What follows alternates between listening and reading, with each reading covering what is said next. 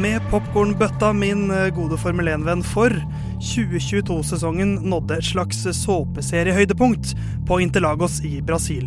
Has er rockestjerner, Mercedes dominerer igjen, og en bitter Verstappen dolker lagkompisen i ryggen og skaper uro i Red Bull. Og plutselig er årets siste Formel 1-løp her. Spenn fast setebeltene, rett opp stolryggen, stapp popkorn i kjeften og gjør deg klar. Ukens episode av Lyden av Curbs er her. Det er nok å ta tak i.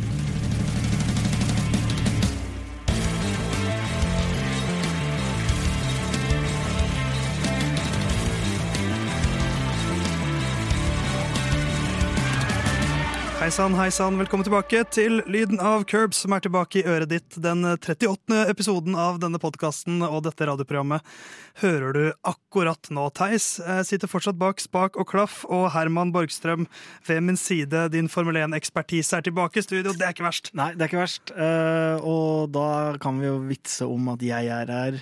Ja. Fordi eh, det er jo ikke alltid jeg er her, Nei, men det er jo en som ikke er her. nei, og det er uh, Jon Halvdan. Ja. Men da har vi heldigvis henta inn supervikar Ole. Hei på deg. Hei, hei.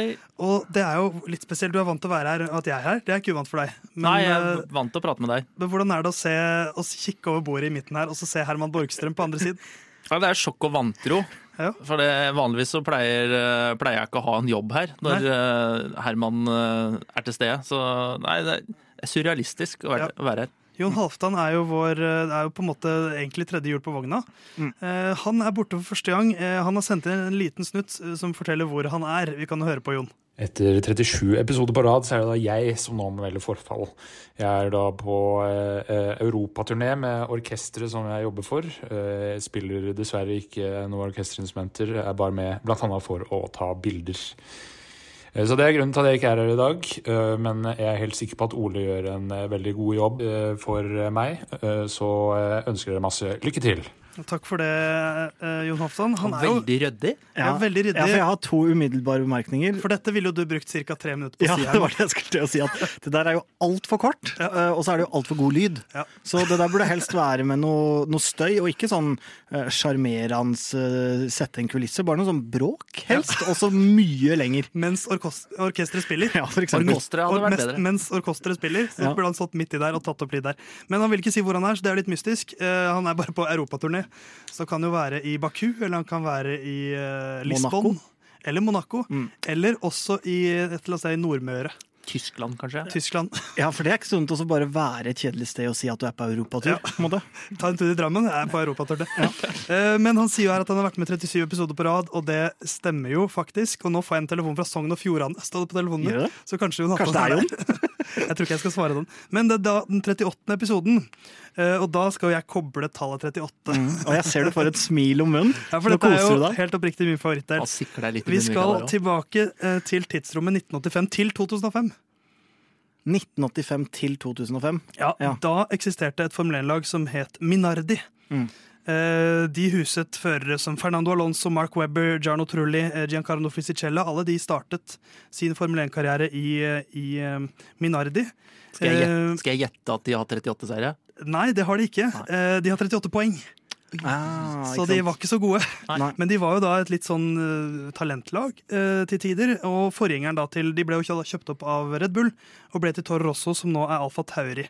Så dette er på en måte uh, fa- fa- forfaderen til Alfa Tauri. Minardi 38 poeng.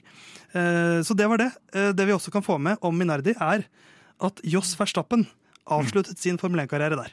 Ja. Så sånn sett litt relevant for dagens episode. Ja, det er det jo. Og jeg er veldig glad for at du heiv med eh, en sånn tilleggsopplysning. Fordi jeg skal innrømme at hvis det bare var at de hadde hatt 38 poeng, eller Ja. tatt 38 poeng, det holdt ikke for meg. Nei, det Jeg var kjente, du- hadde ikke blitt sendt videre til Ja, Oslo, på en måte? Ja, det er min nye ting at jeg prøver å koble det litt på noe Ja. relevant. Sånn som at Joss Verstappen, i og med at vi skal prate veldig mye om Max Verstappen i dag, så var hans far eh, kjørte sine siste Formel 1-løp i nettopp Minardi.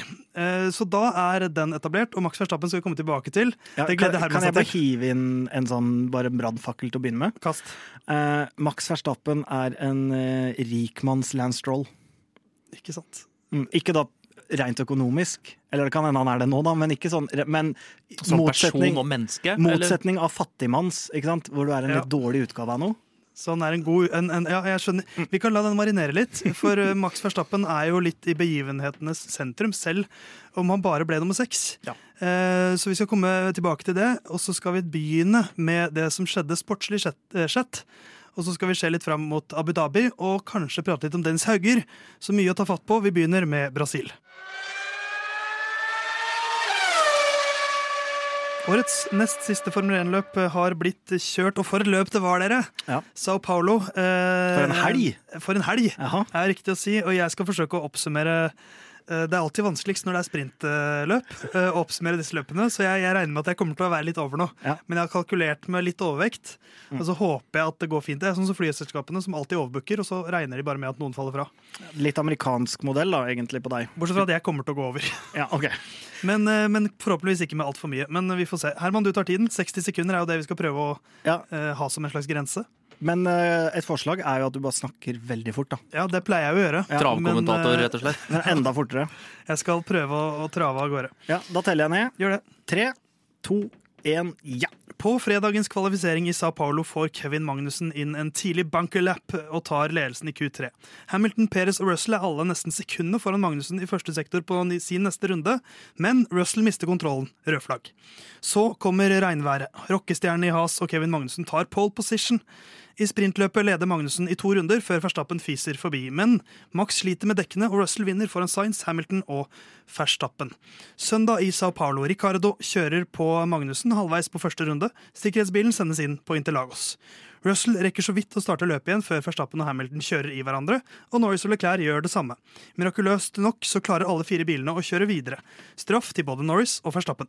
Runde 53 og ny sikkerhetsbil, men fremdeles grei skurring for Mercedes. George Russell tar sin første seier, og Mercedes tar sin første seier i 2022, med Sainz og Leclerc på tredje- og fjerdeplass. Max bestemmer seg for å være en god kaptein, og gir ikke tilbake sjetteplassen til Tsjekko. Den protesten sender Leclerc opp på andreplass i førermesterskapet. Fortsettelse følger. Oi, oi, oi. Eh, det kan til og med hende jeg stoppa noen tideler for seint. Ja, men vi Men vi klokker inn på 1.01, altså. Nei, kødder altså du? 61 sekunder. Da gikk jeg for, for å prate fort, men det er jo imponerende av meg selv. Ja, ja, det var veldig bra. Det syns jeg er nesten på nivå. Det er like sjokkerende som Magnussen sin pole position. Ja, ja. Eh, vi, kan, vi må begynne med det. Eh, bare for å si at Den, altså den store snakkisen denne uka her har jo blitt Max Verstappen versus Checo Perez og Red Bull Gate. Mm. Det skal vi komme tilbake til. Ja. Vi tar det sportslige først. Og da Kevin Magnussen.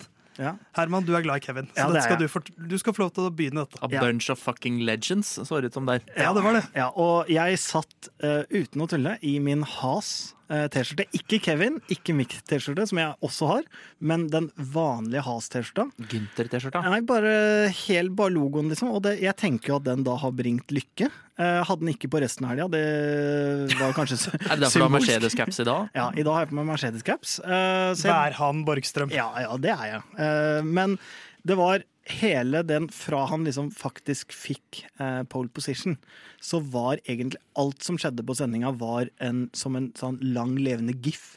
Det var altså, det var Gynter med arma i været. Det var, eh, det var Kevin som sjela inn i kamera.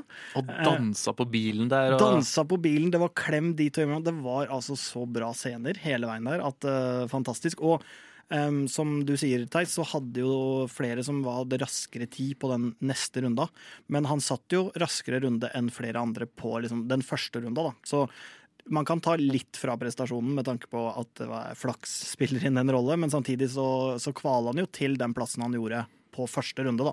Ja, alle Han satte, klær, tida han, han satte den beste tida han kunne, da. Før liksom været slo ham. Så det kan ingen ta fra han. Og så er det jo eh, en del eh, flaks med at alle bare fikk det ene forsøket. Eh, Ja. Det sørger George Russell for.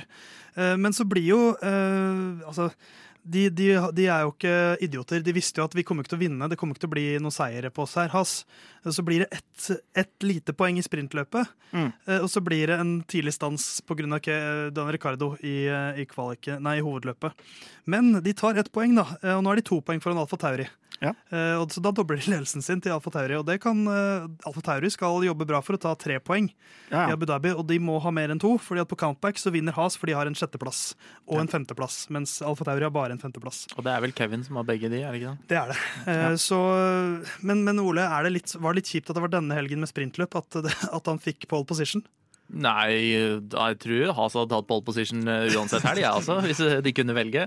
Men jeg, jeg, jeg Jeg, det her er den eneste helga jeg føler at sprintløp ikke har ødelagt for løpet. Og det kan, kan sikkert banen ta store deler av skylda for. For det er en ganske kul bane å race på, virker det som. Ja, for det, eh, hvis vi skal flytte oss videre til sprintløpet, så blir det jo veldig, veldig gøy. Mm. Ja. Eh, og det er jo Jeg satt og tenkte det er dette som burde vært sesongavslutningen.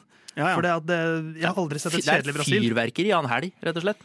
Men jeg, sånn jeg tenker med, med sprintløpet her, var jo at øhm, øhm, den kritikken vi har vært innom tidligere, da, med at det, det egentlig øh, jevner ut forskjellene som potensielt kvaliken kan føre til. Sånn som det kan godt hende at øh, Kevin kunne klart en sjette, sjuende, åttende plass på en måte i hovedløpet hvis han starta pole eh, da, men øh, samtidig så er det litt sånn at her var det to helt eh, separate løp som levde hvert sitt liv. Ja, griden blir mer og mer lik som vi vanligvis ser det, men i og med at sprinten levde sitt eget liv, liv og så hovedløpet sitt eget liv, så tenker jeg ok, men det er en modell som kan funke.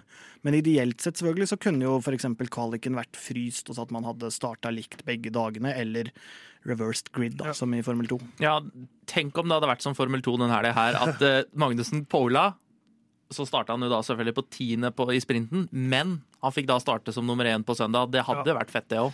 For det blir jo litt, altså når, når sprintene er satt, så vinner jo George Russell der foran Sainz og Hamilton, og så er Verstappen, Perez og Leclerc på plassene bak, så da er det plutselig de tre topplagene som er topp seks. Og så tror jeg kanskje at vi hvis, hvis det hadde blitt en sånn uke der Siv Verstappen selv i et spennende løp hadde vunnet sprintløpet foran Perez, eller noe sånt, da, så tror jeg vi hadde sett på det med litt andre øyne. Mm. Eh, selv hvis liksom eh, Mercedes og Ferrari var oppe der. fordi at nå var det på en måte et spennende grid til søndagen likevel. Ja. Fordi Red Bullene var ikke i front. Ja, det, det, det skaper litt mer eh, twist når du finner ut at Red Bull ikke er så raske den helga her. Det kan jo vi tyde på at de har slutta å utvikle bilen og er klar for neste år.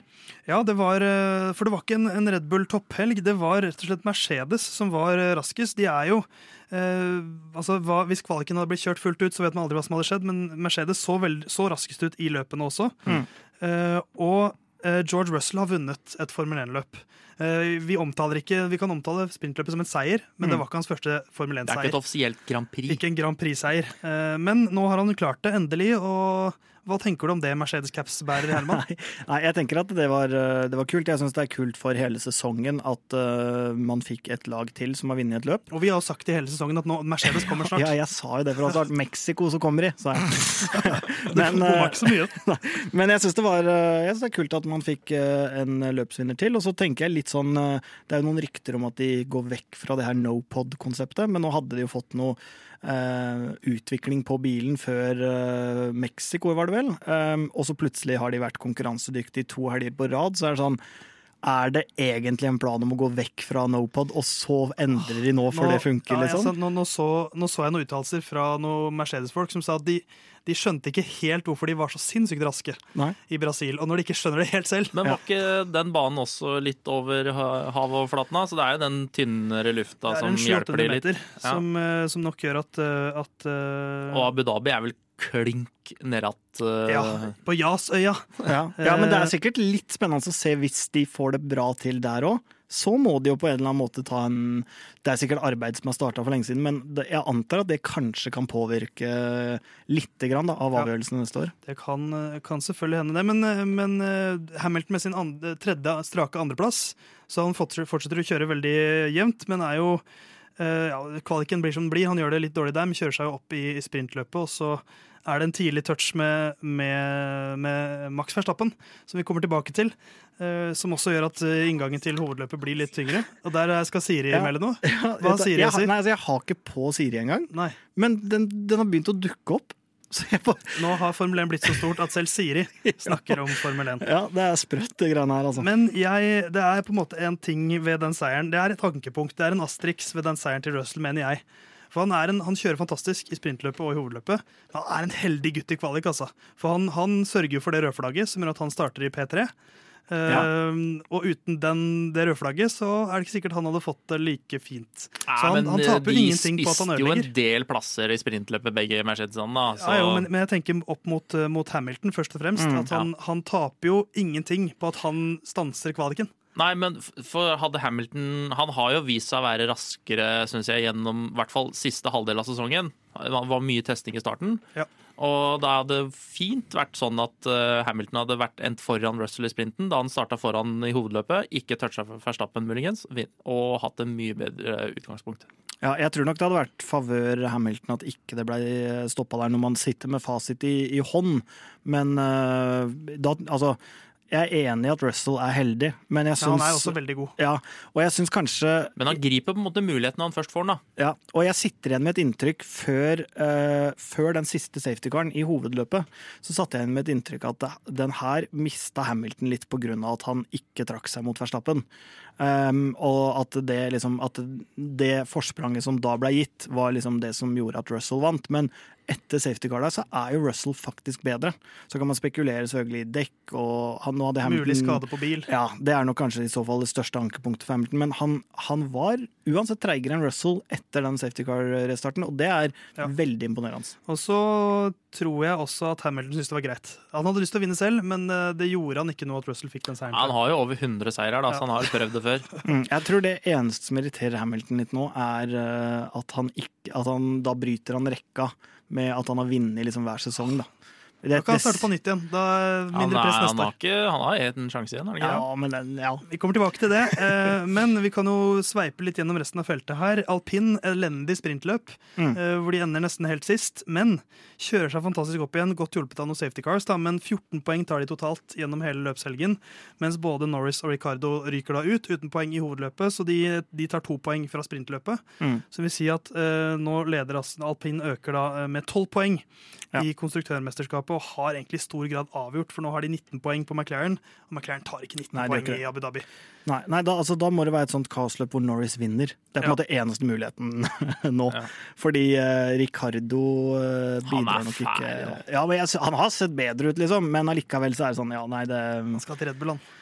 Ja, det var litt, eh, var litt trist, det der. Men jeg, samtidig, nå, bare for å ta den Det Ricardo det er ekstremt liten touch den han har på Magnussen. Du, Ja. du ser at han trekker seg, Ja, ja. og så eh, Akkurat som han liksom kommer bare litt bort Han er jo ikke borti nok til at vinga ryker engang. Det er Nei. bare sånn bevegelse i vinga. ja og så ser man jo at han eh, For det er jo en flyt i hele feltet, eh, hvor han agerer på hvordan andre bremser. Og du ser jo han bremser. Det er jo, egen, altså, han, det er jo ikke et forbikjøringsforsøk. på en måte. Han, han er jo der inne og legger press. Og alt Han, der, han kikker jo litt, han setter ja, døra på glatt. Ja, ja, men samtidig så bremser han idet han er sikkert 99% sikker på at er nok. Og så er det akkurat ikke nok, på en måte. Så, så det er jo, den, det, er jo liksom, det er jo det at han er litt ute av rytmen, liksom. Han, han klarer ikke helt å agere riktig på de andre der. Og, ja, så jeg, jeg, jeg, det er vanskelig å totalslakte, men det er bare sånn litt bare sånn trist dårlig, det, det som skjedde med Ricardo der.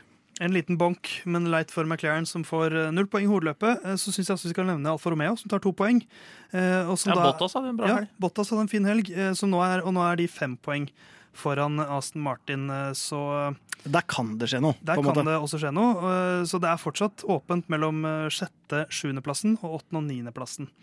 Eh, Og så har jo da også Leclerc eh, kjørt forbi Checo Perez i ja, konstruktørmesterskapet på countback. De har samme poengsum, men Trodde eh, ikke det når han sto planta i veggen der, altså etter det sammenstøtet med Norris. Da Det så det mørkt ut. Jeg, jeg hadde skrevet ut han jeg, fra mitt hode da, da jeg så hva som skjedde. Liksom bare den kollapsen, Ja, ja. Den, den krasjen. Men han kom seg til mål og tok bra med poeng også.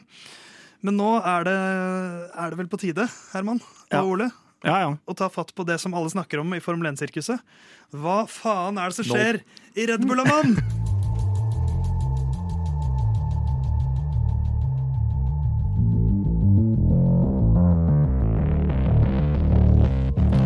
skal vi gjøre det som alle har gledet seg til. Vi skal prate om alt det, det røret som skjedde rundt Red Bull og Max Verstappen.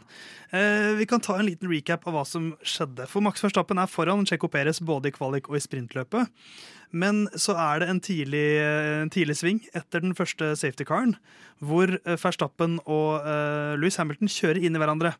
Verstappen må inn, bytter vinge. eh, det tar litt tid å bytte den vingen. eh, Han får fem sekunders tidsstraff, så det, det skjer en del. Og for meg så er egentlig Max Verstappen helt ute av løpet da. Jeg, jeg tenkte ikke på Max Verstappen. Jeg registrerte at ja, han er sånn 16-17. Han kommer ikke til å være i toppen. Uh, og så kommer den andre sikkerhetsbilen. Han kjører seg jo da litt opp og litt opp. Og litt opp, og så er han plutselig der rett bak Checo Perez. Uh, og Perez er jo da stuck bak Leclerc og Alonso og klarer ikke å kjøre forbi, for han har mediumdekk. Og Verstappen er da på raskere dekk. Eh, Så kommer det team order. Eh, Slipp Max fram, eh, så kan han prøve å ta noen poeng fra Leclerc. Hvis han ikke klarer det, så slipper han seg ned igjen, så får du posisjonen, og så får du så mange poeng vi klarer, sier da Red Bull. Um, og så kommer vi på siste runde. Max Verstappen har ikke klart å kjøre forbi verken Alonso eller Leclerc, og da skjer følgende. Max, if we don't pass Fernando on the exit of 12, can we let Checo through, please? Let Checo back through. Klar beskjed om at hvis han ikke klarer å ta igjen eh, innen et visst punkt, så skal han slippe Perez forbi. Det klarer han ikke, og vi fortsetter. Yeah, don't worry about the DRS, Max. Through. Through.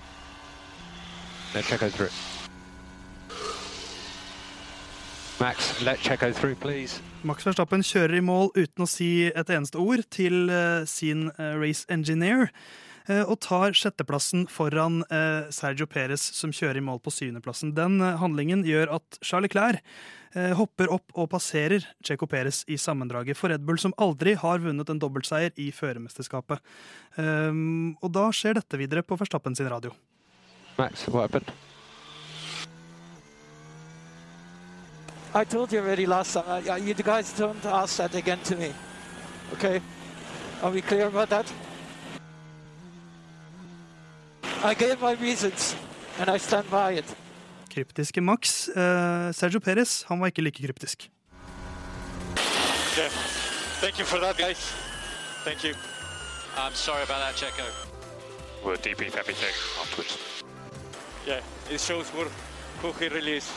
Han viser hvem han egentlig er, sier Sergio Perez. Og så er det jo da slik at i denne redaksjonen så er det vanligvis, Herman øhm, jeg som er mest i midten, du som er mest mot Max Verstappen. Mm, Er, dette, er det på venstre- eller høyresida? Det du? velger jeg å ikke ta noe stilling til. Ja, det er like greit. Uh, mens uh, Jon Halvdan er jo uttalt Red Bull-fan, Mm. uh, og er veldig glad i Max Verstappen. Så da tenker jeg det er naturlig at siden det koker litt mot Max Verstappen nå, så skal vi la Jon Halvdan få begynne. Eh, han er jo da på europaturné I Drammen. i Drammen. Eller i sør, på Sørmøre, kanskje. Eh, men eh, hva syns du om det som skjedde i helgen her, Jon Halvdan? Eh, Ja, jeg så jo da Formel 1-løpet da jeg kom fram på hotellet på uh, søndag, uh, og skrudde av rett etter at uh, løpet var ferdig. Og skjønte at her har jeg tydeligvis gått glipp av noe mer enn det det så ut som først. Eh, Og har egentlig blitt pe- pepra av eh, Herman i sosiale medier eh, siden, der han forventer vel omtrent at nå skal jeg bytte favorittfører over til Hamilton fordi han er så mye bedre menneske. Hvis vi starter med Hamilton og Verstappen, så stemmer sikkert eh, avgjørelsen eh, med de nye reglene, at man må være så å si på sida av hverandre ikke noe seinere enn apex, eh, eller toppunktet, altså midten av svingen, på vei inn i en forbikjøring. Syns vel det tilsynelatende ser litt rart ut at det er Verstappen som får straff der. Jeg mener jo egentlig at det der er et racing incident som begge kunne unngått hvis de ville det. Eh, Men eh, det er nå det det er, og det er helt eh, greit for meg. Så tror jeg Herman håper på et glødende forsvar av førstappen som ikke vil gi plassen sin tilbake til Peres mot slutten av runda. Det kan jeg absolutt ikke gi. Eh, Fordi det er veldig rart at uh, han skal bruke uh, en sjetteplass og sette uh, the record straight angående en situasjon som det ryktes at det er det i Monaco. Eh, at det er her man setter ned foten for en sjetteplass, det fremstår veldig rart. Eh, samtidig så er det jo med på å gjøre unødvendige gnisninger i et Red Bull-lag eh, som man ikke trenger. Førstappen Verstappen vil også sannsynligvis trenge Peres til eh, neste år. Jeg syns at det er litt multi-21 over det, men det er jo andre som er uenig i det. Eh, så vil Theis forklare hva som skjedde da. Samtidig så eh, må det her gjøre Peres bitte litt usikker eh, på sin posisjon i laget. I hvert fall hvis det, som ryktene stemmer, at det er Ricardo som kommer inn som testfører. Så fremstår ikke Peres som eh, iallfall fav eh, favorittføreren til Forstappen. Men det er nå det det er. Eh, burde absolutt vært unngått. Ikke noe publisitet man trenger. Og eh, fremstår som eh, mindre teammate eh, enn det han burde være. Ja, jeg syns uh, Jon Halvdan skal ha for sin ærlighet her. Det var ikke noe forsvar av Verstappen her. Nei, uh, jeg er enig i det, men jeg, not Men- jeg, no ja, men jeg Det kan noterte meg sages mer. ja, Jeg noterte meg noen greier. Ja. Eh, Blant annet at han sier flere ganger 'det er det det er', som høres ut som DDR. Det, det var eh, Øst-Tyskland-vitsen min, den er jeg veldig glad i. ja. eh, og så noterte jeg meg at det at han liksom skrudde av idet det var målgang, og så bare rett til svart, og så eh, Å ja, jeg har gått glipp av noe mer, skjønte han i ettertid. Eh, nå er ikke Jon Halvdan til å forsvare seg sjøl, men det kjøper jeg null. For det har jeg gjort flere ganger. Ja, men ikke i den settinga her. Fordi hvis Altså, da skjønner du verken sport eller Formel 1. Hvis ikke du skjønner at det her er kontroversielt. Altså, kan eh, være Han bare hater Russell så mye at han ikke ville se ham på podiet. ja, ja da, det, han må, da må han ha skrudd av før Russell gikk over uh, mål, fordi det, det gir ingen mening.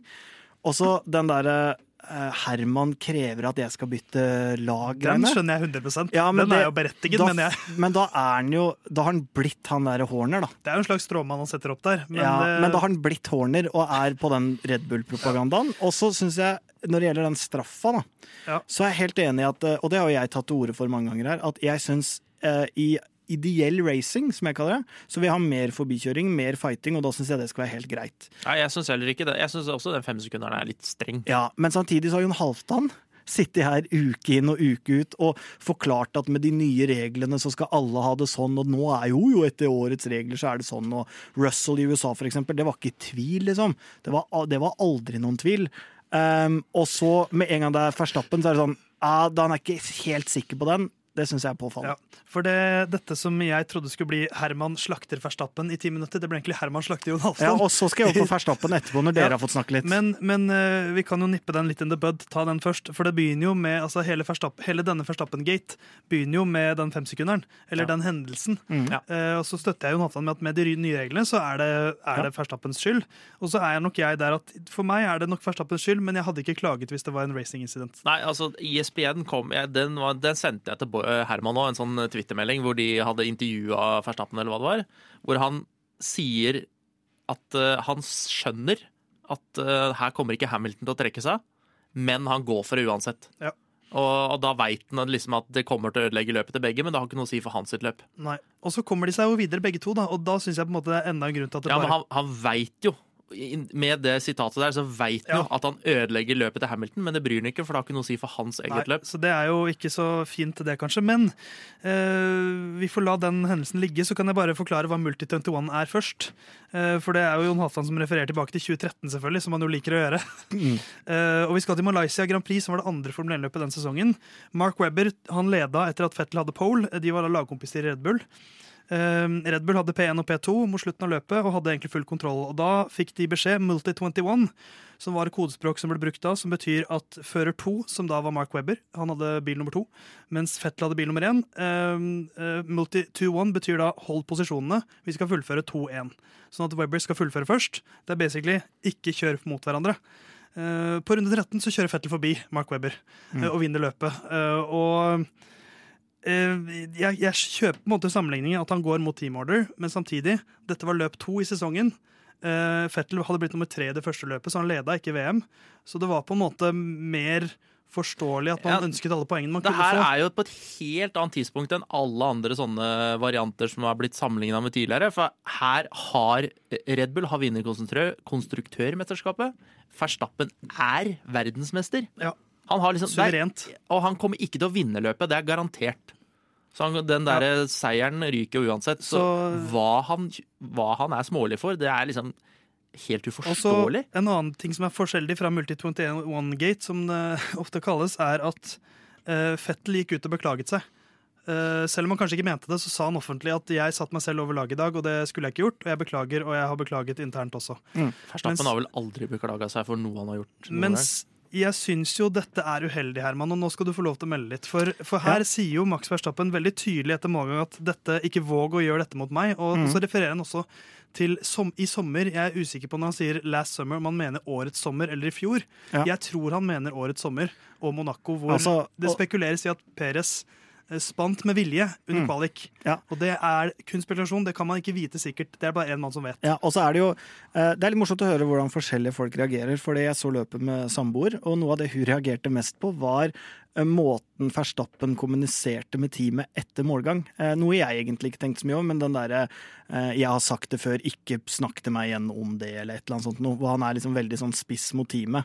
Så det er mange ting å ta for seg her, men det er noe med det at det er en sjetteplass som for han betyr ingenting, eh, og som for han bak seg, som er lagkamerat, betyr alt. Um, da er du for meg Altså, jeg orker nesten ikke kritisere det engang, for jeg blir bare helt sånn um, Som en som har spilt på lag i alle år sjøl, og syns det er noe av det liksom, beste man kan gjøre, så er Jeg blir nesten bare litt sånn trist, fordi det er så uh, ukollegialt og mot liksom sportens natur. Og um, Tsjeko har jo sagt det sjøl òg, at han har jo hjelpa uh, Verstappen i en mange anledninger. Um, og, ja, Han slapp det jo forbi i det løpet som var nå. Ja, så det, ja. så det er liksom så mange Og én ting er jo alle de sånn helt konkrete tinga som har ført til seier og sånn, men hver gang han har hatt Verstappen bak seg, så har han jo bare lagt seg inn til siden han har fått beskjed om det. Uh, det har aldri liksom det har aldri vært racing. For våre ører så har det aldri vært noe murring. Så jeg, bare, jeg syns det er utrolig smålig. Og jeg syns sånn som um, i Ferrari har jo en lignende situasjon lenger framme i feltet, da Sainz ligger på tredje og Leclerc på fjerde. Det er for meg også en helt annen greie. For Leclerc spør jo om han kan bli sluppet forbi.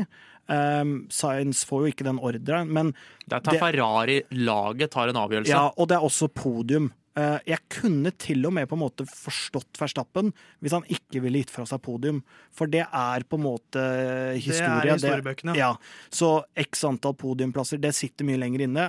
Alt under podium har ingenting å si. Sånn, I hvert fall ikke når du har avgjort VM. Nei, sånn legacy-messig da, så har ikke det noe å si. Så, så jeg, og jeg vurderte, for jeg, jeg, jeg har vært eh, dritforbanna siden løpet på Peres sine vegne, og jeg vurderte å liksom bare sette meg mye mer inn i det, lese overalt, men jeg gidder ikke, for jeg, det er egentlig ikke noe ny informasjon som kan gi meg verken noe mer sinne eller noe mer forståelse, på en måte. Nei, også liksom, selv om Peres, Si Verstappen skal få en ny lagkamerat, da, eller, og, og, neste sesong med Peres som lagkamerat.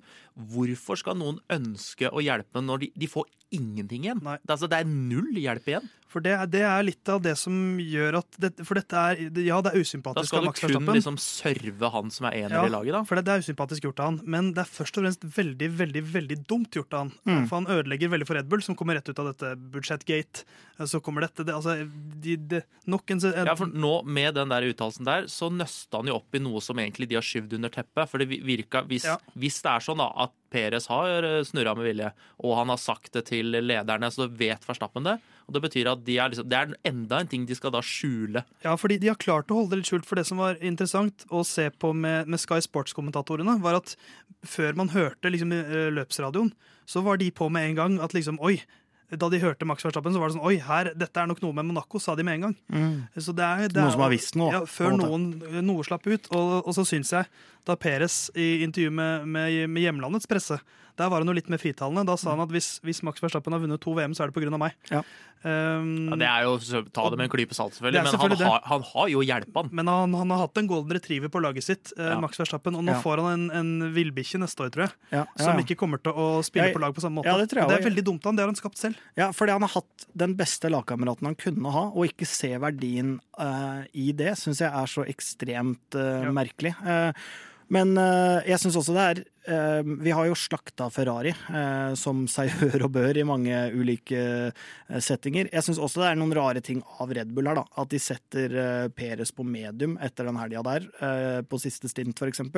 Veldig rart. Men også det å gi den teamordren om at Uh, slipp Max forbi, for han skal prøve å kjøre forbi to biler til med liksom fem-seks runder igjen. Men det, er jo ikke, altså, det har jo vært et forsøk de har jo ikke noe, de kunne jo da, altså, Det har vært et forsøk, for de ja, stoler jo på vet, Max Ja da, men allikevel, så det, det, var liksom så hårete at uh, jeg, altså, der, Den skjønner jeg egentlig ikke. Ja, jeg er mer på at jeg skjønner den. Ja, I retrospekt så er det i hvert fall helt uh, Ja, men hvorfor skal klart. du ta den risken, og hvorfor skal du begynne å styre med det? Men, men hvis du stoler på føreren din, så er det ikke noe risk, for da kan du bare si du, ja, da, det, du tok en, du, fordi Selv hvis han tok igjen en Alonso De sier jo det, de, de, de spiller av det i radiomeldinga. Kjør, du blir sluppet forbi. Hvis ikke du klarer å komme forbi Alonso Leclerc For han må forbi Leclerc. Ja, så slipper du deg ned igjen, så tar Peres ja. tilbake plassen. Man må jo stole på føreren sin, på en måte.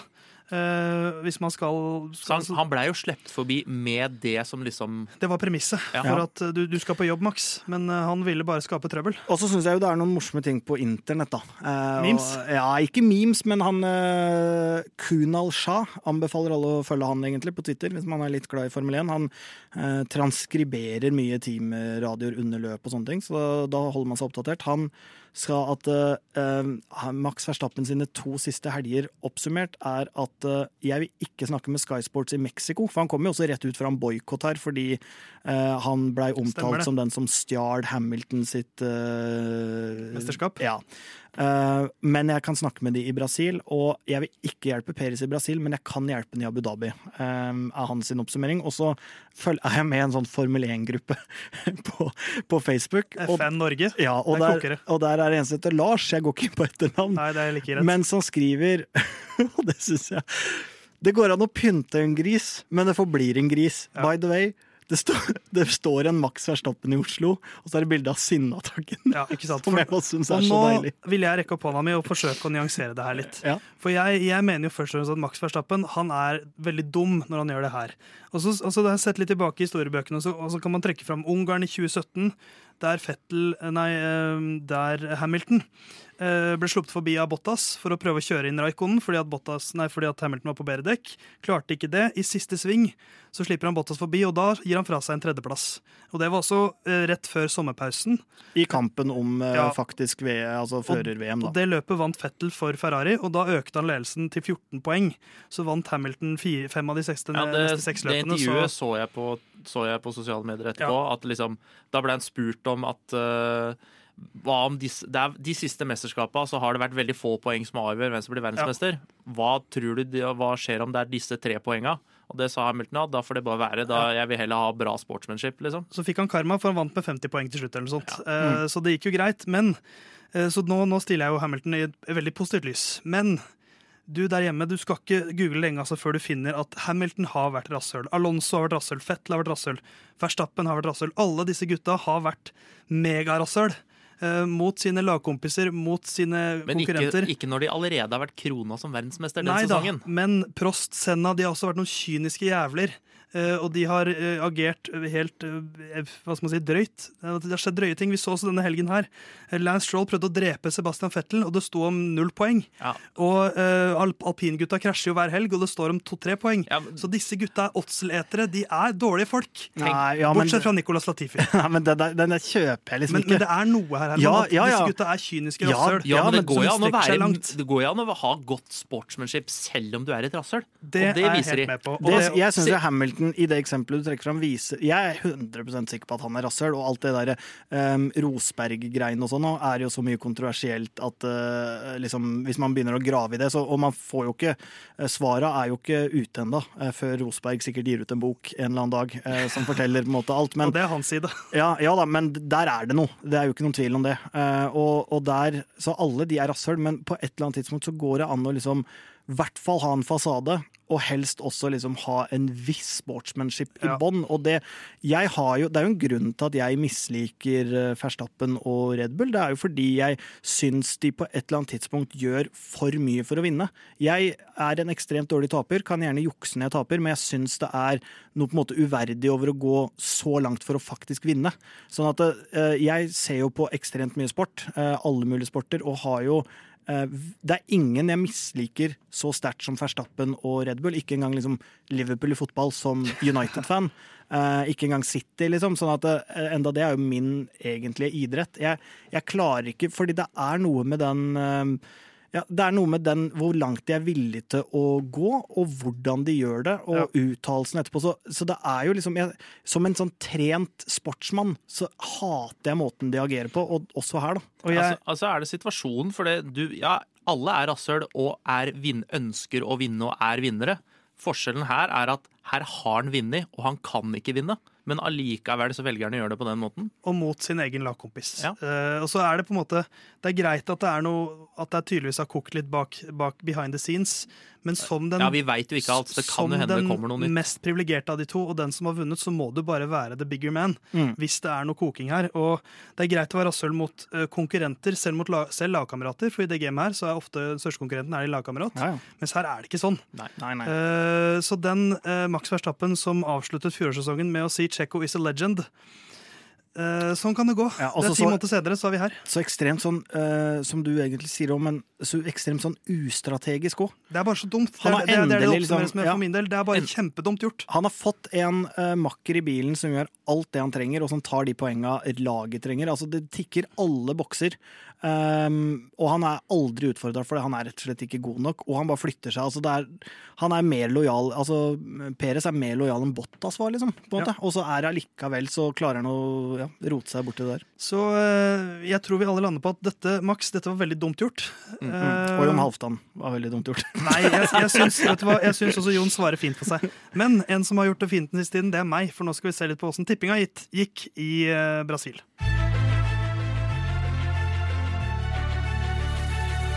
Og eh, vi tar en liten kjapp oppsummering av hvordan det gikk med tippinga vår i Brasil Grand Prix. For vi er jo også en redaksjon som har en egen tippekonkurranse.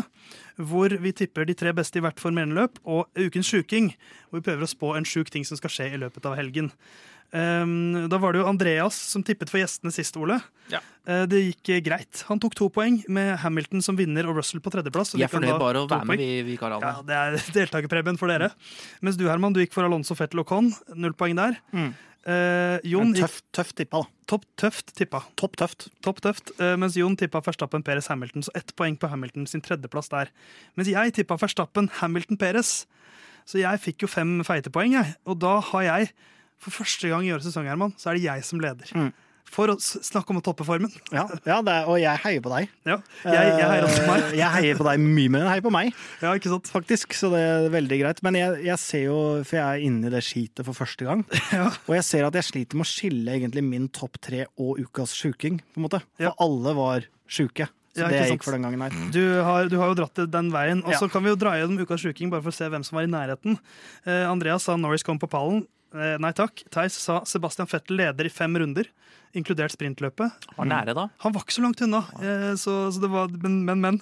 Eh, Jon Halvdan sa løpet blir avgjort med forbikjøring på siste runde. Ja. Hamilton var jo liksom Ja da. Jeg tenkte på den, jeg, om Ja, der. men på en måte, så når, før du tar min, Ja. jeg føler jeg var inne på noe. Du er på en måte på sporet av et, et eller annet. Du, du, du bommer, Ja, men samtidig men så- treffer. Det er litt sånn aim for the moon, og så treffer du blant stjernene, men du får ikke poeng for det. Eh, For du sa ingen av Red Bullene fullfører, og det skjer på en måte som Herman kan argumentere overfor meg på at skyldes strategi og valg. Ja. Og du er på sporet av Ja, det altså.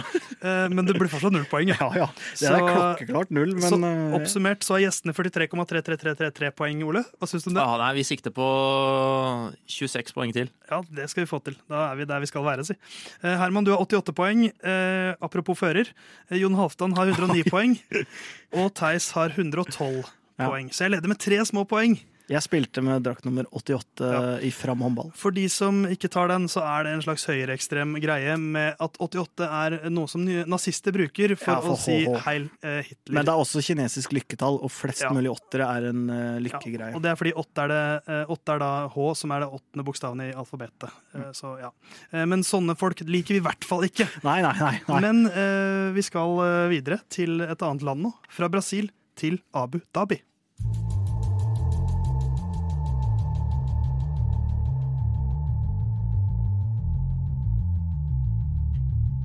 Da var vi altså her årets aller siste Formel 1-løp. Abu Dhabi Grand Prix 21 fullført, 1-1. Det er litt trist, merker jeg. Nå er det samtidig litt deilig. Ja, men nå går vi inn i et knakende kjekt, kjekt fotball-VM, da, Theis. Ja, det er Med- sant. Som fortsetter Avslutter i Midtøsten, vi starter i ja, Midtøsten. det som er mye greier her liksom nå. Altså. eh, det shady eh, idrettsbildet vi følger. Det er jaggu sant. Det er eh, Abu Dhabis Grand Prix. Jazz Marina skal vi til. Jon Halvdan pleier jo å ha banegjennomgangene, Mm. eh, hvor han kommer med litt info om den banen som venter. Jeg har gjort det denne uka, i og med at Jon Halvdan er borte. Så da blir det jo kanskje ikke like hva skal man si, eh, faktabasert, men noe fakta har jeg klart å finne. Vi skal eh, ni timer i fly sørøstover fra Oslo. Der finner vi De forente arabiske emirater. Den vesle ølje... olje. Ølje! ja, denne vesle øljeføderasjonen der penga rår og idretten består.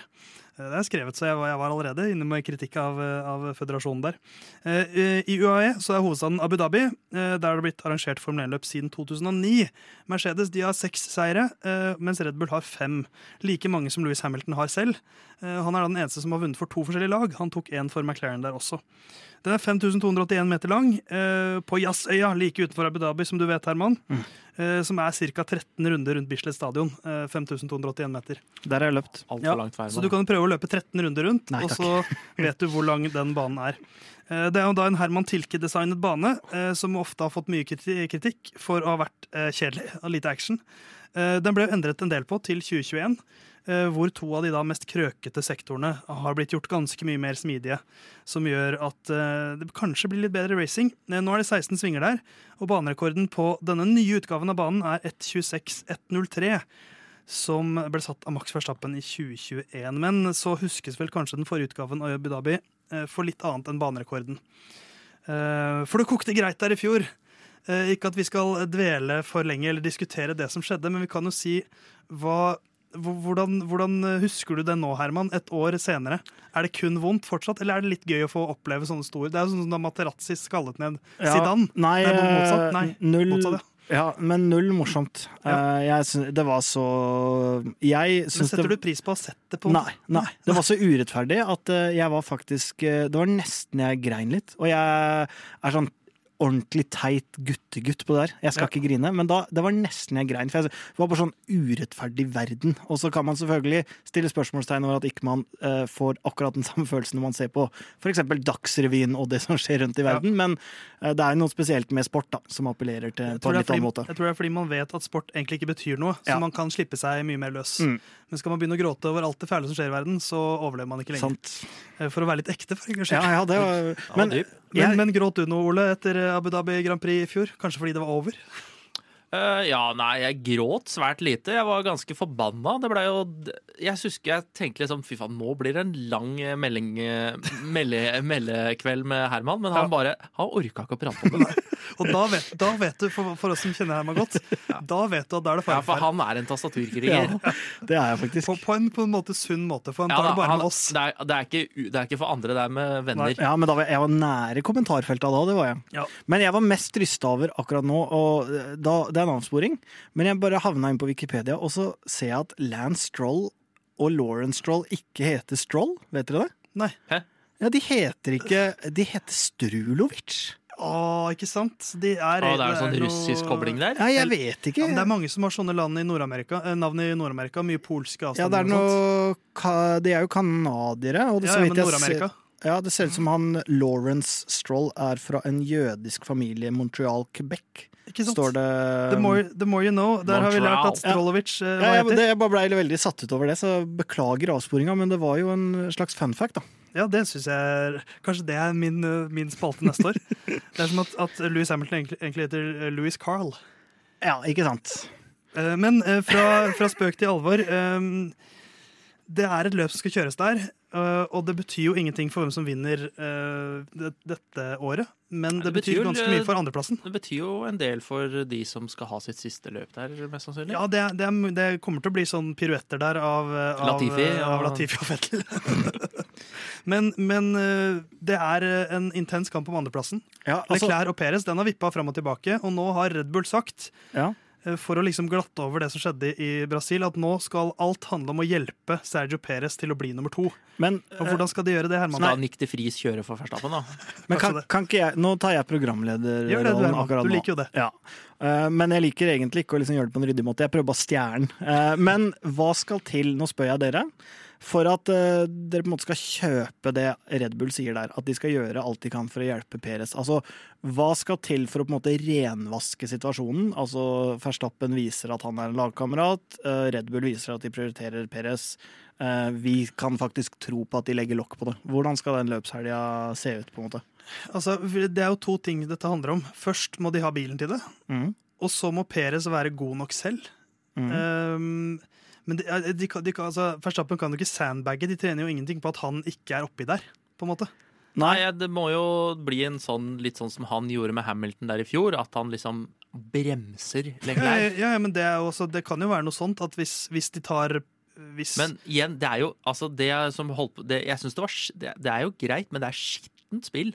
Ja, Peres er Ja, ekkel å kjøre men- forbi men- for men- alle. Men alt handler jo her om, om at Peres, hvis han er raskere enn Altså hvis Red Bull bare har en raskere bil enn Ferrari eh, Et helt vanlig løp av Perez da vil jo gjøre at han slår Leclerc, og han trenger jo bare å ta ett poeng mer enn han. Ja, jeg synes det er usannsynlig at Perez skal slå Leclerc, for Leclerc har vist seg å være den ene føreren denne sesongen her som er på pace med Verstappen. Men er Ferrari det? På pace med, for nå har Ferrari sagt at vi kan, vi, de har sluttet å utvikle bilen sin mer. Fordi at de har det ikke råd. må jo nesten Red Bull ha gjort òg. Jo, jo, jo men, men de har jo da tydeligvis klart, klart å holde det gående litt lenger. For Ferrari har stoppet opp fordi de har Mm. ikke råd lenger. Og det er masse kokerud Binotto, så den bilen har jo stoppa opp helt. Ja. Men nå Men- er de litt lavere i land igjen, da. Men, det- men ja, Nå hopper jeg ut av programlederstolen. fint. Eh, også, fordi jeg er ganske klar Søvnløst. Den står i hjørnet her hvis du vil ha den tilbake. For jeg er ganske klar på hva jeg mener at Red Bull må gjøre.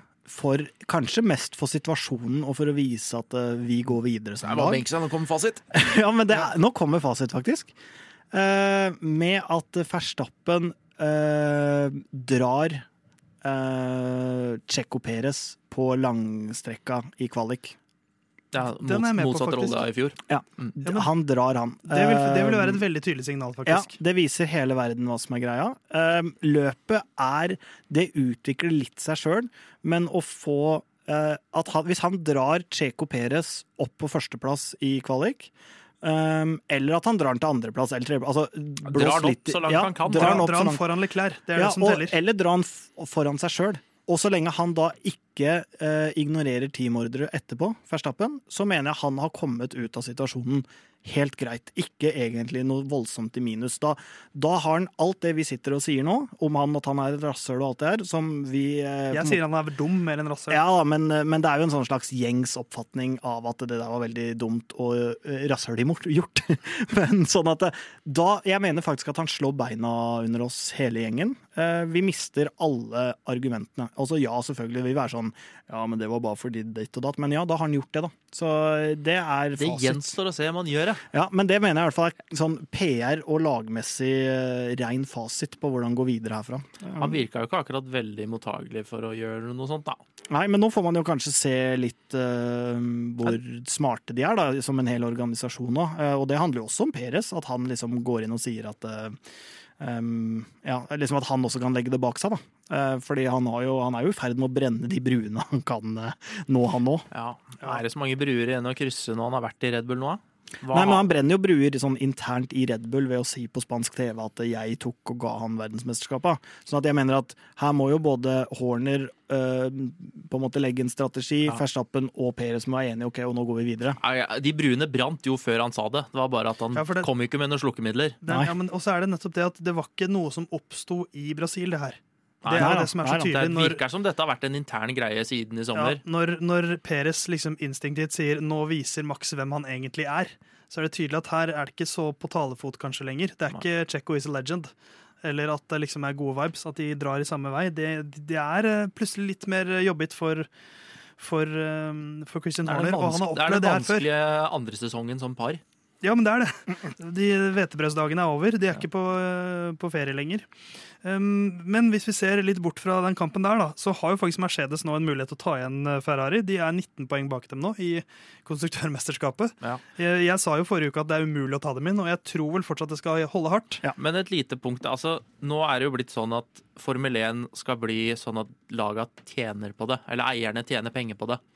Vil det ikke da være, liksom, hvis ikke du kan vinne VM, at det blir en sånn sandbag-effekt for å Altså, du, du trenger ikke de ekstra premiepengene, så du vil heller ha mer vindtunneltid, eller? Åh, det, åh, jeg tror ikke det altså For Mercedes er Jeg tror ikke forskjellen på andre- og tredjeplass er stor nok til at andreplass er en prestisje fortsatt. Altså. For det er i hvert fall modellen i den amerikanske idretten, ref det vi har prata om tidligere med, med akkurat det. At uh, på et tidspunkt, hvis du gjør det dårlig nok Altså hvis, du, hvis de laga i amerikansk idrett vet at ikke de vil kunne gjøre det bra i den såkalte liksom, eh, playoffen, da, når de går videre til sluttspill, så er det bedre å ikke nå sluttspill, på en måte. Ja. Det å ryke ut første runde i sluttspill er på en måte det verste du kan gjøre i amerikansk idrett. og det kan godt, altså På et eller annet tidspunkt så vil det vel sikkert Det har litt å si også. for uh, garasjeplassering òg. For Ja. eh, Ja, ja, ja. det er jo der de havner Det neste prater, sesong. det prater de mye om i Williams, at de må gå forbi alle. Ja. før de, før de eh, finner plassen sin. Men ja, eh, hvis vi ser mot, eh, mot konstruktørmesterskapet da, litt lenger ned Alpin har jo kanskje avgjort mot McLaren, men Alfa Romeo og Aston Martin der er det fem poeng. Og Has og Alfa Tauri to poeng. Det er fortsatt så jevnt at det er sånn ett resultat-variant. Ja, Hvis, én en bare, hvis Fettel plutselig er oppi der, eller hvis Gasly har et kjempeløp, så vipper det. Hvis Stroll ikke er i nærheten av noen, så kan han kjøre fort. Så det er, Eller, eller hva han egentlig heter, Herman. Lance. Strulovic. Det blir spennende å se når eh, han, eh, Alonso skal inn der. For det, de to siste krasjene til Alonso nå, så er det det at han, han ligger så tett er bak de at han tar en sånn kjapp Skal jo liksom rett ut forbi. Og Stroll sin vane nå er jo at han bytter jo retning så seint som mulig. Så de kommer jo til å krasje noe vaken. Kanskje det er min ukens sjuking for neste sesong, at eh, Alonso kommer til å drepe Lance Stroll. Men, men eh, Lance for de som har hørt på oss lengst, så blei jeg omtalt som en Gandalf, til og med med lydklipp. Eh, og det er jo særlig på Fordi den du ikke lar folk passere. ja, i, når vi spiller eh, digitalt. Og Brasil er jo den banen jeg kanskje har vært mest kjent for å sperre alle andre på. Så jeg syns jo sånn Det digitale racinghjertet mitt eh, slo jo ekstra fort for Stroll der. Ja. For det er jo akkurat sånn jeg holder For det er på. alt lov. Ja. Men uh, før vi går helt inn i tippeland, så kan vi jo kanskje bare gjøre det. Skal Ja. vi tippe litt? Kan godt bare gå inn i tippeland. La oss tippe nå.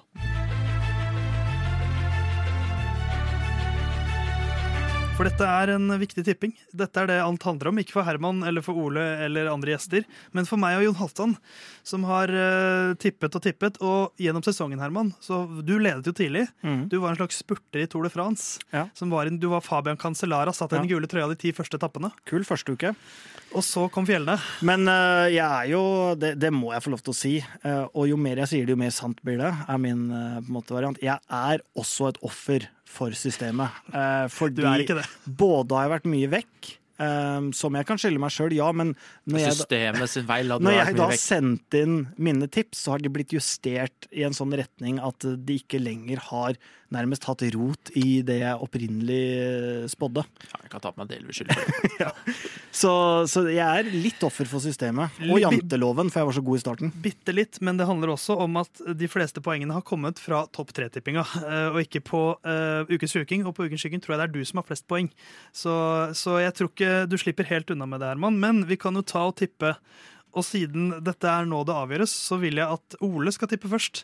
Siden du Ja, er gjest Han, eh, han har ikke notert til noe ukens sjuking ennå. Skal vi ta topp tre og så gå Vi tilbake vi kan ta topp til tre den? først. Ja.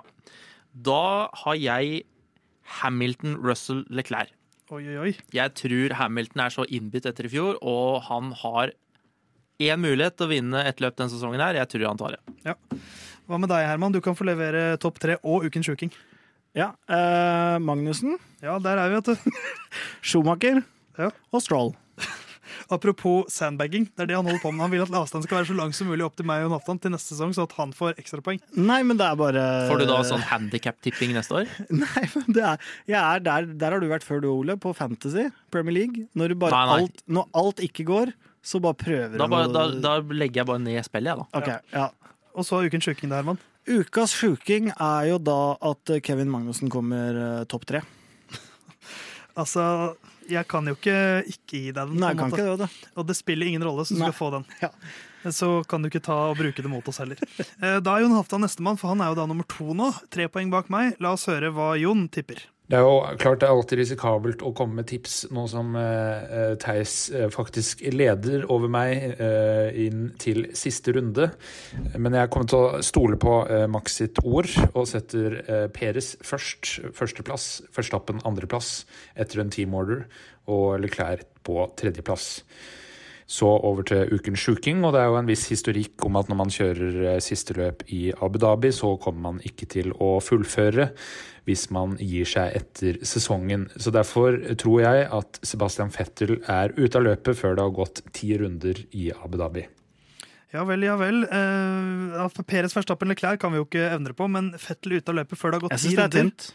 Uh, ja, jeg syns også den er litt spesielt Ja. når det står så mye on the line. Ja, og, og det er jo hva han sa, at de som uh, kjører sitt siste De, altså, det er litt tradisjon at eh, de som er på en måte ferdig med sesongen, eh, Raikon, for ja, eksempel. de Ja. DNF-er i sitt siste løp. Ja, og da mener jeg her kan vi jo skru til med Ricardo og eller uh, Stroll. da. Latifi. Ja, Latifi, men det er Stroll, det. Nei, Ja. må ikke dra inn Stroll her. Men altså, for det er flere som har sitt siste løp. Det syns jeg faktisk. Vi kan si at uh, For hvis vi kan dra inn uh, i hvert fall Latifi på noe vis Ja. Nei, men han, Men, men, han er altså, jo 50-50 om kjørerett. ja, men, men at det er sånn Det må være runder. begge to, eller noe Ja. sånt. Og så etter ti, rund ti runder er jo på en måte jokeren her. Ja. Eh, for at Fettel også går ut av løpet i løpet av liksom, alle rundene. Det er jo en viss sannsynlighet for, men det er jo de første ti Det skjer som, ja, som, ja, men det er jo samtidig det som gir, gjør det spesifikt. Um, så ja. Theis er med på all skrute her nå, så han slår så Ja, han- Ja, ja, men jeg jeg- må jo være kynisk. Da er sier jeg Fettel, Men jeg syns uansett det er, for, det, er, det er litt for stor sjanse for at Fettel ryker ut. Fettel, Latifi og Stroll ut etter de første 15 rundene. Stroll, Stroll også. Fader, jeg har Stroll på hjernen. Du mener Ricardo? Ja. Ja, Strulovic? Jeg har Strulovic på hjernen. Jeg, eh, jeg er enig. Men jeg har gitt den pluss fem runder, da.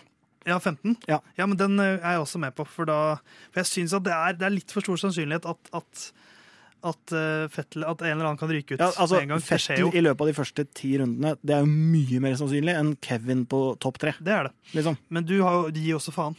Ja, men hvis vi går, Nå tar jeg random tilbake. Peres fullfører uten poeng. Alle minst halvt britiske får Ja, ikke Ja. Nå må vi ikke dykke ned i det der, men, eh, men da um, er det min tipping. Og det er jo sjokkerende hvor nære jeg er på en måte Jon Halvdan egentlig med min tipping også. For jeg er også Peres Verstappen. Jeg tror at de holder sitt ord, og at de klarer å mikse og trikse sånn at Peres vinner. Men jeg har ikke Leclerc på tredjeplass. Jeg har Hamilton. Eh, så da kan det fort hende at den blir avgjørende. Min uh, ukens sjuking er om Sebastian Vettel, men på en måte det motsatte.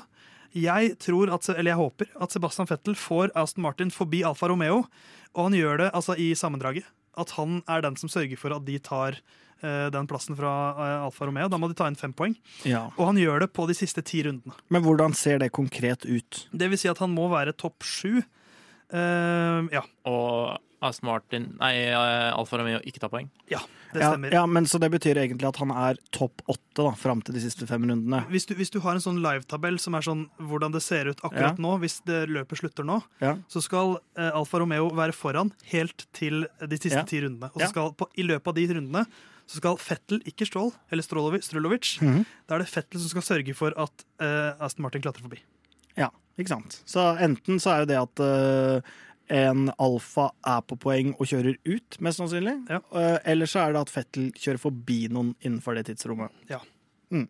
Nei, men det, jeg gir selvfølgelig for den godkjent. Eh, Du kunne skrive, Her kunne du tatt uh, Hamilton fullfører foran Russell, og jeg hadde godkjent det. Så det, det hadde ikke vært noe bra. Det lønner seg å møte opp, Jon Halvdan. og jeg så faktisk i det arket som jeg, som jeg nevnte i stad, har debutert med å finne, så så jeg at du hadde skrevet navna før Jon Halvdan. Ja. Så- Nei, dette skrev jeg ned tidligere i dag. ja, sånn at uh, ikke det skal være noe konspirasjonsteorier, sånn som jeg fort kan Ikke noe miksa triks. Men Ole. Ja. du skal fortsatt få ukens sjuking, du Ja, òg. nei, eh, da tar jeg bare hatten av, og så skal vi takke, takke Stroll for sitt bidrag til Formel 1, og så sier vi at han tar eh, poeng i sitt siste løp. Eller Latifi. Eh, Nei, Latifi. Latifovic tar poeng i sitt eh, siste løp. jeg syns du redder deg inn med Latifovic. ja, den er veldig Eh, fin, men jeg syns den er godkjent. Ja, ja, ja, herregud. Veldig fin. Så da har vi det altså. Magnussen vinner, eller Peres eller Peres eller Hamilton. Og så får vi se, da, da er det fort om Hamilton eller Claire blir nummer tre som blir avgjørende. Med mindre Sebastian Fettel enten ryker ut sammen med Ricardo og uh, Latifi. Eller om han eh, fikser biffen for Aston Martin. Vi får se åssen det går. Men det er en annen som har mye som står på spill nå på søndag eh, og lørdag, eh, og han heter Dennis Hauger.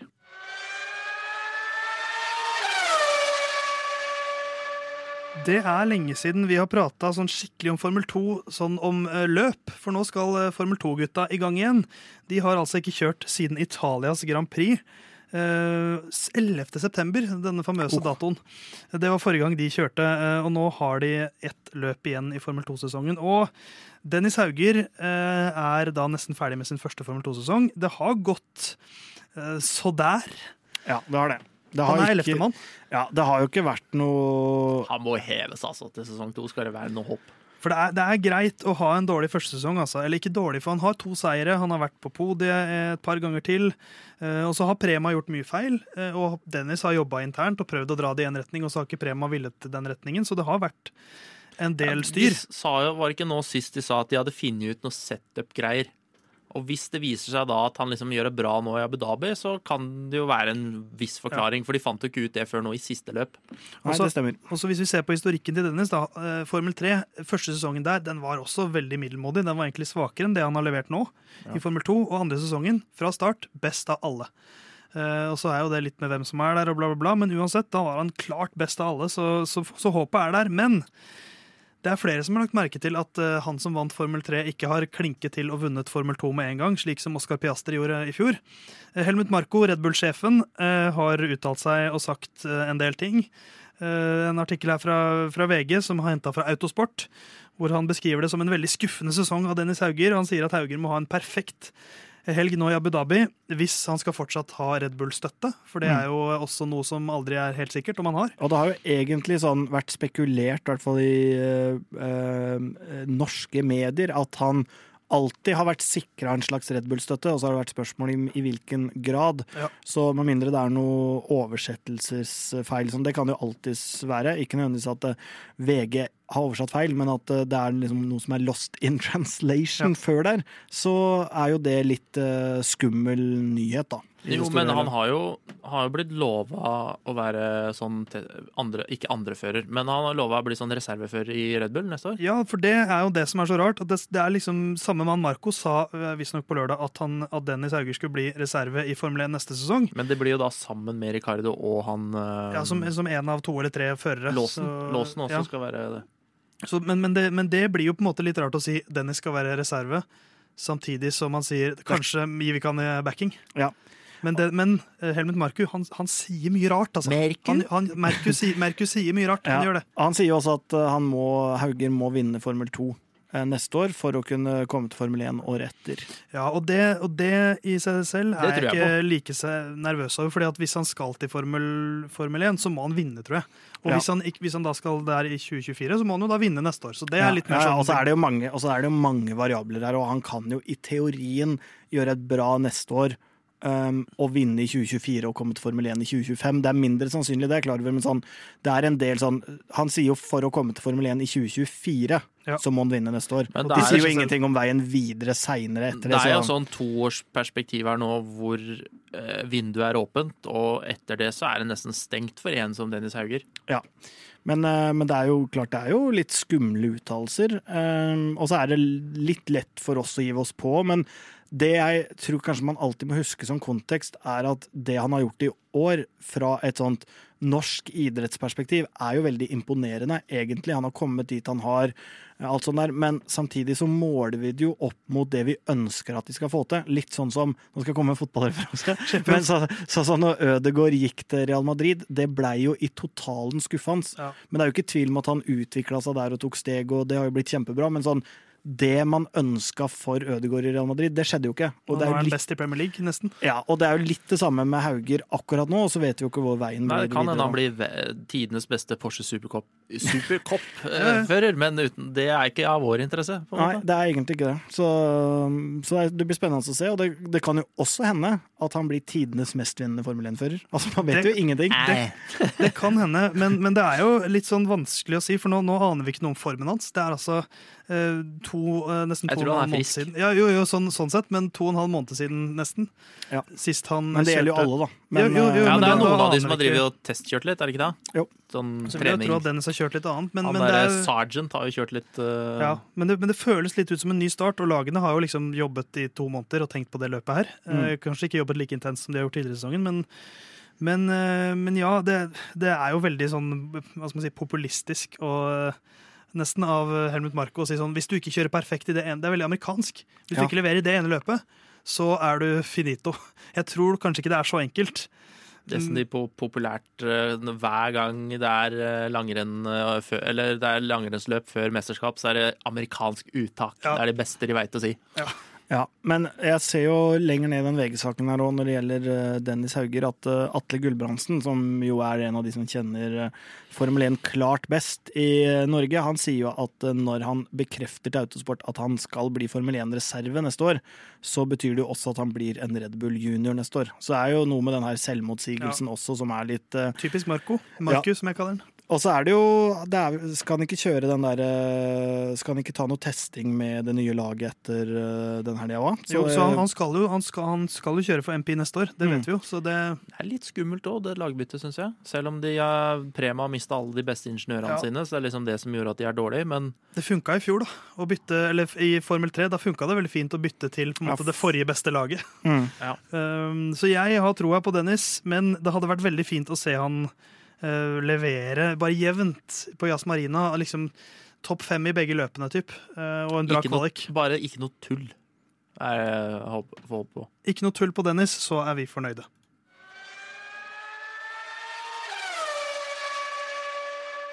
Men nå nærmer denne tullegjengen seg slutten. Uh, lyden av curbs er nesten ferdig. Og For i år? Uh, ja, altså vi, vi har ikke så mange Formel 1-løp lenger vi kan snakke om. da. Eh, vi har ett til, men vi skal nok klare å holde det gående på et eller annet vis ut året. Og så er jo plutselig det, er det vintertesting og rykter, så det er, det er nok å snakke om. Men, eh, men eh, jeg vet ikke, jeg, jeg merker det litt sånn Det er jo første sesongen jeg har fulgt Formel 1 så tett. For jeg, har jo fulgt, jeg fulgte jo veldig tett i fjor og året før også, men nå på et helt annet nivå pga. denne podkasten. Ja, og dere skal ha fakta på tallene fra 1 til 38, Ja, ja. minus 1 episode, Det er sant. så er det jo øh, da Ja, det krever litt, det. Ja. Så for meg som bare er en sånn slags gjest, så, så kan jeg bare hoppe inn og være idioten, som er min rolle. Men nå, nå går jo Formel 1-sesongen over i en sånn, eller Formel 1-sporten over i en litt sånn annen modus. Eh, Dvalemodus. Det blir rykter, det blir uh, skittkasting, det blir litt eh, fordøyelse av det som har skjedd. Det blir spennende å se om det er Hulkenberg som skal kjøre for Has neste år. Det må jo komme nå snart, vel. Ja, det, burde, det skal jo komme denne Vi- uka her. Jeg sa jo i forrige episode at det, det kommer nå på torsdag. Det kom torsdag før Eh, Brasil, det. Det siste jeg har sett nå er Dette det kommer nå på onsdag, altså i morgen, for vi spiller tirsdag kveld.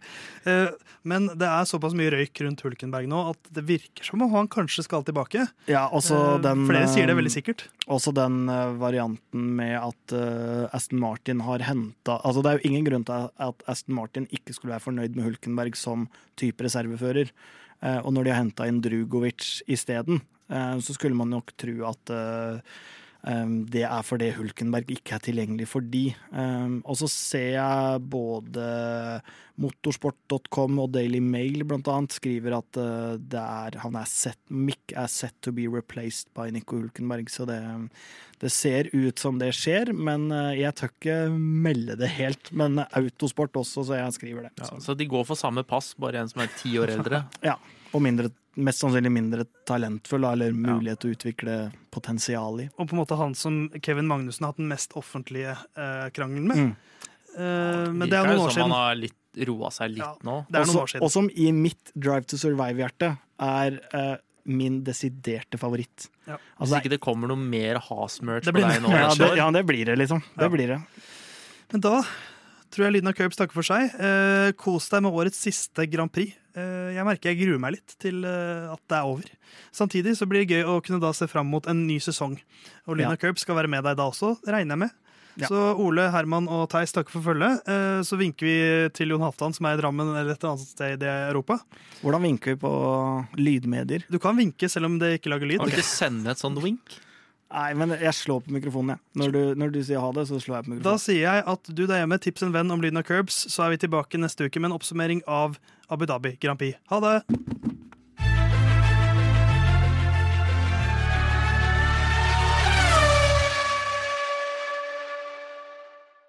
Good luck this weekend, Stroll. Thanks.